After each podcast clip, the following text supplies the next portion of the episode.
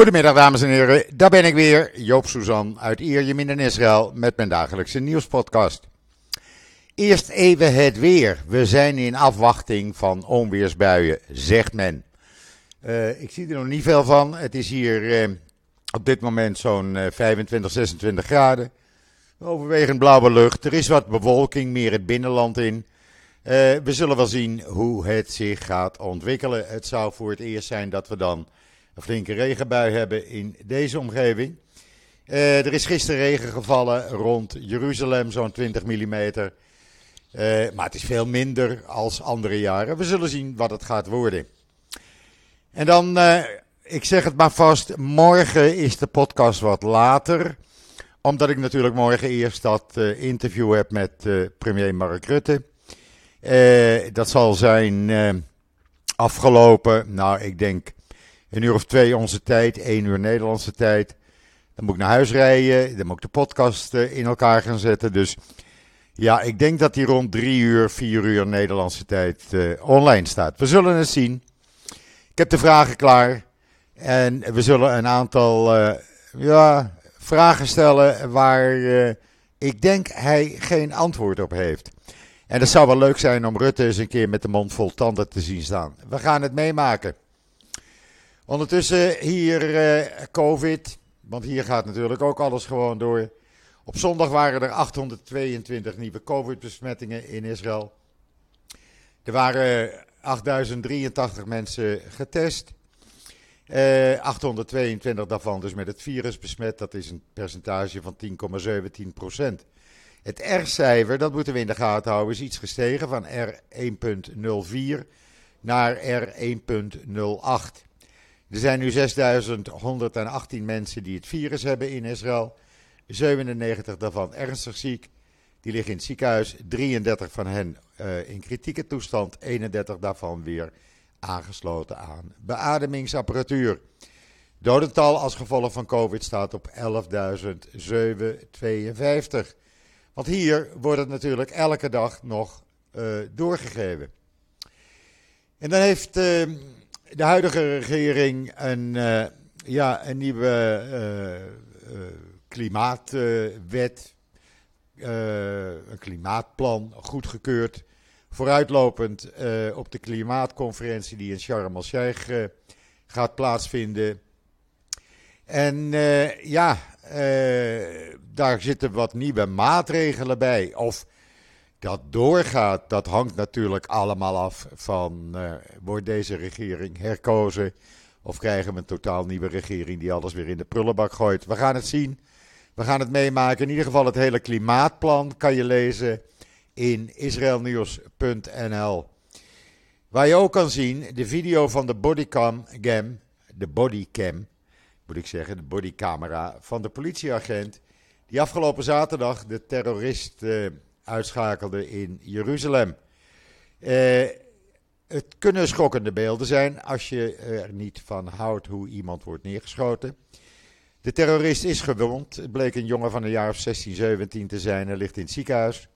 En daarna blijft hij in de cel zitten. Uh, maar goed, je kan dus de hele video uh, bekijken in israelnieuws.nl. Waar je ook een video kan zien van IDF-soldaten die vanmorgen vroeg een poging tot drugs- en wapensmokkel vanuit Libanon hebben vereideld. Je ziet op de video hoe ze de smokkelaar te pakken, te pakken nemen en uh, arresteren en alles in beslag nemen. Ook dat op israelnieuws.nl. Ja, en dan uh, hoe het zo uitkomt. Ik heb het niet verzonnen.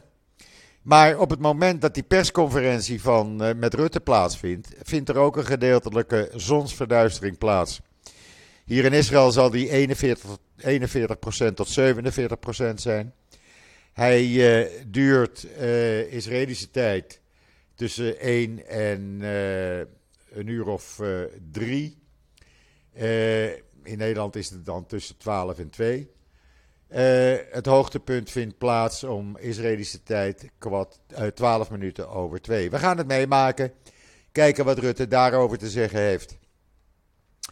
Uh, ook dat allemaal in israelnieuws.nl, waar ook het perscommuniqué staat van de Israëlische regering onder leiding van Lapid, die toegezegd heeft aan de premier van Albanië om te zorgen dat er cyberbeveiliging komt in het land. Betekent dat Israël dus uh, Albanië gaat beschermen tegen cyberaanvallen. Die uh, heeft men veel van buurlanden, maar ook van Iran. En Israël gaat dat dus allemaal beveiligen. Lapid heeft het druk. Vandaag uh, die Albanese premier, morgen Rutte. Hij moet zich nog voorbereiden op de verkiezingen. Het kan niet op. Vandaar dat president Herzog met zijn vrouw naar de openingsceremonie is gegaan van de wereldkampioenschappen gemengd zeilen die in Israël zijn begonnen. Eh, daar heeft hij een toespraak gehouden. Hij is hartstikke trots op iedereen die meedoet. Uh, er zijn zeilers uit meer dan twintig landen hier. het weer is er goed voor, dus lekker zeilen, jongens. En dan de Libanon-deal, die wordt donderdag getekend. Nou is het niet zo dat men gezellig bij elkaar gaat zitten. De Israëlische regering begint om half elf. Je kan het allemaal lezen in uh, israelnieuws.nl. Begint donderdagmorgen om half elf. Die tekent, de Israëlische delegatie neemt het mee naar de Libanese grensplaats. Uh, waar uh, die ondertekening door Libanon zal plaatsvinden. Dat is op het UN-hoofdkwartier in Nakura. Die zitten in een andere kamer, die gaan tekenen. Daarnaast uh, krijgt de Amerikaanse bemiddelaar alle stukken en die worden doorgezonden naar de Verenigde Naties. En op datzelfde moment gaat die, onder die nieuwe uh, Libanon-deal al van kracht. En kan uh, Israël uit het Karis-gasveld het gas gaan pompen. En Libanon kan gaan zoeken in hun gasveld of daar echt gas zit en hoeveel gas. Allemaal in israelnieuws.nl, waar je ook kan lezen dat de IDF ongeveer 90% van de militaire infrastructuur van Iran in Syrië heeft vernietigd. Uh, de wapensmokkel, uh, de wapenleveranties, dat is vrijwel stopgezet vanuit Iran. Uh, ja, zodra ze weer iets gaan doen, dan komen de Israëlische vliegtuigen weer in aanval. En worden die wapentransporten weer geraakt.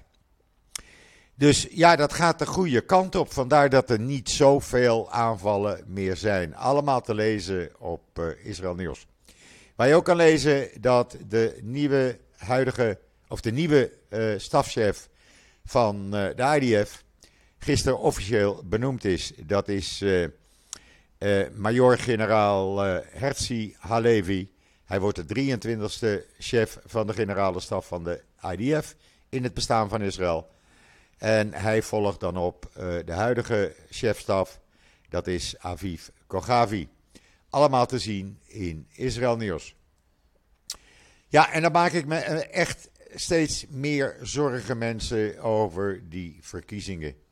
Ik heb het er uh, regelmatig nu over, maar er komen elke keer weer nieuwe berichten, zoals nu in de Jeruzalem Post gisteravond.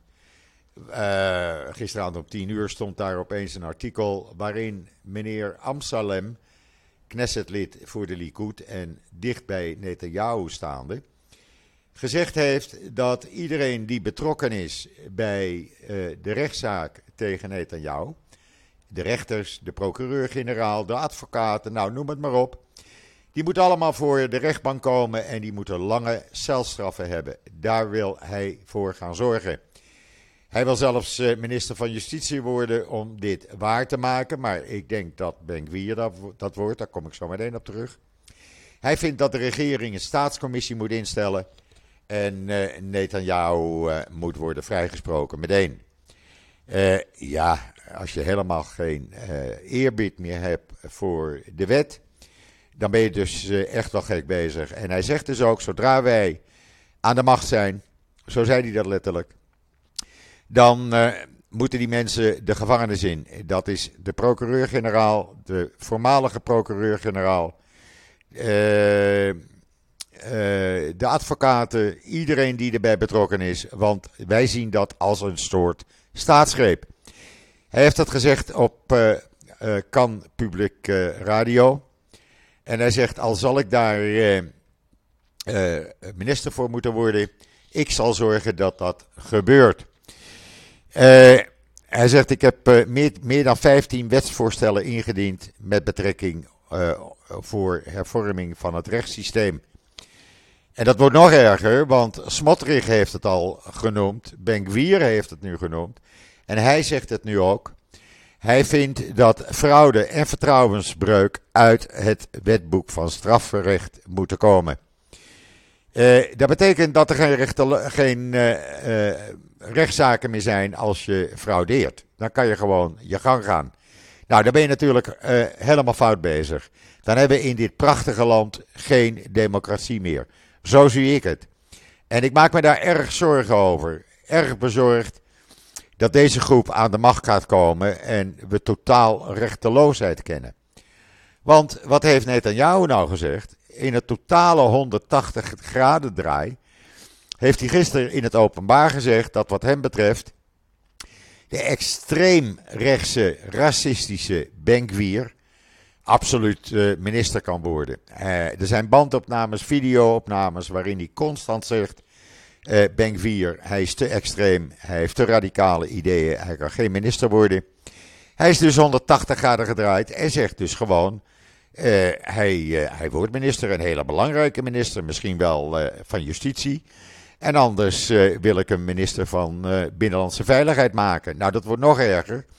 Krijg je een man die met een pistool loopt te zwaaien, die de Arabieren, die Israëlisch staatsburger notabene zijn, het land uit wil trappen naar Europa toe, zegt hij, want daar is werk zat. Ja, sorry mensen, maar dit soort figuren, die wil ik niet, die, die willen we niet aan de macht zien. Dat is levensgevaarlijk. Stel je voor, dit zijn gewoon misdadigers die dan minister worden onder leiding van iemand die nog steeds een proces aan de broek heeft en waarom gebeurt dat? Dat gebeurt om te zorgen dat Netanyahu niet de gevangenis indraait. Want dan lijkt het steeds meer op. Eh, aan de andere kant wil Netanyahu niet met hem op de foto, want dat is slecht voor zijn image, zegt hij. Maar Netanyahu wil ook geen openbaar debat hebben met Lapid op televisie, want hij weet dat hij dat verliest. Eh, ja, als je zo bezig bent, dan uh, ja, dan gaat het natuurlijk helemaal fout. Helemaal omdat Netanyahu steeds meer waarschuwingen krijgt van senatoren uit Amerika. Die zeggen van hou er rekening mee, als jij Ben opneemt in een, in een regering, dan zal dat de banden tussen Amerika en Israël gaan schaden op een ernstige manier. Uh, ja, zegt hij dan, maar de belangrijke ministeries die houden wij zelf eh, als Likud-partij. Ja, ik moet dat nog maar zien. Want stel dat zijn uh, coalitie, zijn groep van partijen 61 zetels heeft na de verkiezingen op 1 november, dan moet dat dus een regering samen gaan vormen. Dan gaan al die partijen gaan eisen stellen. En anders komen ze niet in die regering. dan gaan ze eruit. Dan is er geen meerderheid meer. Dus jou. Uh, die wil met alle geweld, uh, koste wat het kost, uh, minister-president worden. Ja, dan hebben we dus een groot probleem. We gaan het meemaken. Het wordt reuze spannend. En dan hebben we meneer Smotrich. Dit kan je trouwens lezen in de Times of Israel vandaag. Smotrich, die kwam even vrolijk zeggen in de Jeruzalem Post. Gisteravond laat. Van Netanyahu is de leugenaar van alle leugenaars. Hoe vind je die? Dat moet dan samenwerken. Er zijn opnames die zijn uh, openbaar gemaakt. En uh, daarin zegt hij dus gewoon dat ik eigenlijk had ik Netanyahu moeten aanvallen. En meer zetels van hem afnemen. Want hij is de leugenaar van alle leugenaars. Hij uh, zegt hij wil niet met die Arabische raampartij en hij gaat toch met die Arabische raampartij. Nou ja, maar dat wisten wij al lang dat Netanyahu liegt natuurlijk. En Netanyahu nu ook zegt ik sta helemaal open om met de Raampartij in zee te gaan. Nou dat wil die extreemrechtse Smotrich weer niet. Dat wordt dus gewoon één grote puinhoop. Terwijl als, de, als je de huidige uh, coalitiegroeperingen neemt, Gans, Lapid, Gideon Saar, de linkse partijen erbij. En eventueel ook met Ra'an-partij. Dat ging anderhalf jaar hartstikke goed. Waarom is deze regering afgetreden? Nou, heel simpel. Netanyahu heeft drie mensen uit uh, de partij van Bennett uh, weggelokt met de belofte: jullie worden minister van Volksgezondheid. Iedereen is erin getuind. Uh, dan is er geen meerderheid meer. Netanyahu heeft gezorgd dat geen een van de huidige oppositiepartijen voor welk wetsvoorstel dan ook heeft gestemd. Of dat nou in hun voordeel of nadeel is. Hij verbood te stemmen. Er konden dus geen stemmingen plaatsvinden in de Knesset. Alleen maar om te zorgen dat hij weer verkiezingen kon houden om premier te worden. Nou, uh, er wordt hier nu zo langzamerhand gezegd op het moment. Stel dat uh, Netanyahu en zijn groep geen meerderheid krijgen volgende week bij de verkiezingen. Dan breekt er een enorme rel uit binnen de Likud, want dan trekt men zich Hamas van Netanyahu terug. Helemaal omdat duidelijk is geworden dat partijen, eh, de huidige regeringspartijen, best met Likud willen samenwerken. Alleen niet zolang Likud, uh, Netanyahu daar aan de leiding is. Omdat men heel simpel zegt: wij gaan niet samenwerken met iemand die ook strafrechtelijk vervolgd wordt. Zijn tijd is geweest. De houdbaarheidsdatum raakt op een gegeven ogenblik op. Dat wordt dus volgende week een hele toestand. En het is echt, geloof mij mensen, ik ben niet de enige die het zegt. Het is in het belang van dit prachtige land dat we een normale regering gaan krijgen. Eh, een normale regering die vier jaar kan regeren. Waar geen eh, mensen voor het gerecht moeten of in de gevangenis hebben gezeten. Zoals meneer Deri van de Sjaspartij die al uh, een jaar in de gevangenis heeft gezeten. Uh, Netanyahu, die dus uh, mogelijk de gevangenis indraait. men wil de rechters veranderen. Nou, sorry, dat kan gewoon niet. Ze maken dit land bewust kapot, alleen maar voor het belang van één man. En dat gaat gewoon niet. En daar maak ik me vreselijk kwaad over. En ik ben daar vreselijk bezorgd over, echt waar. Ik heb het toevallig vanmorgen nog met mijn middelste broer erover gehad, die had ik aan de lijn.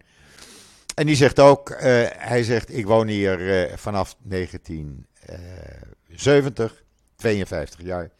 Hij zegt, ik denk niet dat ik hier dan nog kan blijven wonen. Ik ben het met je eens. Dan valt er niet meer te leven in dit prachtige land. En het is gewoon zo. Ik heb het met mijn buren erover gehad, die zeggen precies hetzelfde. Alleen die weten niet waar ze naartoe zouden moeten gaan. Ik kan altijd nog terug naar Nederland of naar Aruba of weet ik veel waar. Maar ik wens niet onder dit soort figuren te leven. Dus laten we hopen dat het volgende week 1 november allemaal uh, de goede kant op gaat. Ondertussen, gisteravond was er een rel met de aanhangers van de veroordeelde zedendelinquent Rabijn Berland, ook in Nederland niet onbekend, waar hij naartoe is gevlucht. Een keer eh, toen hij weer werd uit, nadat hij eh, hier gezocht werd, later uitgeleverd is. Uh, zijn aanhangers gingen op de vuist met de aanhangers van de opperrabijn van Savat. Bij een herdenking op een begraafplaats. Nou ja, sorry, ook dat is een stelletje ASO's. Uh, dan denk ik, je mag dan wel orthodox zijn. Heb je niks anders te doen? Ga dan studeren of ga anders een baan zoeken. En ga eens een keer normaal werken. Ja, dit soort mensen, daar heb ik niets mee. Echt niet. En dan uh, een man in het centrum van Israël, die ligt in scheiding met zijn vrouw. En die dacht, weet je wat, ze heeft een kinderdagverblijf. Ik ga lekker vergif in de tuin rond sproeien. Dan kan ze dat niet meer gebruiken. Zo gezegd, zo gedaan. Hij heeft er een video van gemaakt en naar zijn inmiddels ex-vrouw toegestuurd. Kinderdagverblijf is voorlopig gesloten. Politie heeft die man gearresteerd. Echt, er lopen er meer buiten als dat er binnen zitten, zeg ik wel eens. En dan de light rail, die zou gaan rijden in november. Nou, wat we al dachten, het gaat niet door. Het is uitgesteld tot uh, minstens maart. En andere mensen zeggen, die er verstand van hebben, dat heb ik niet. Het zou wel eens juni, juli kunnen worden. En waarom? Het veiligheidssysteem functioneert niet zoals het moet functioneren. De seinen werken slecht. Andere systemen zorgen ervoor dat de luidrail plotseling stilstaat. ja, die seinen zijn het zenuwstelsel van de luidrail. En als dat niet werken, werkt in samenwerking met de lightrail, de deuren en de stations, uh, ja, dan, uh, dan rijdt hij niet. Dan zijn er nog uh, wat andere problemen, zoals snelheidsbeperkingen, et. Nou, het is nog steeds een bende. Alles is klaar, stations zijn klaar, alles ziet er schitterend uit en het rijdt niet. Nou, daar zijn we even klaar mee. We hebben dat in Jeruzalem trouwens ook gehad. En daar duurde het, ik geloof, 1 tot 2 jaar uh, voordat het ging rijden. Moet je nagaan. We gaan het meemaken, maar het wordt tijd dat het uh, gaat rijden. Want we zitten er echt op te wachten. En, sorry, ik verslik me. En dan uh, even een slokje water nemen. Ah, dan melden Duitse media, volgens de Israëlische krant Globes, het Financiële Dagblad die melden dat uh, de Duitse regering aan Israël heeft gevraagd of ze die uh, Heron drones die ze leasen van uh, Israël, of ze die kunnen gaan inzetten tegen mogelijke aanvallen van Rusland op kritieke infrastructuur in Duitsland.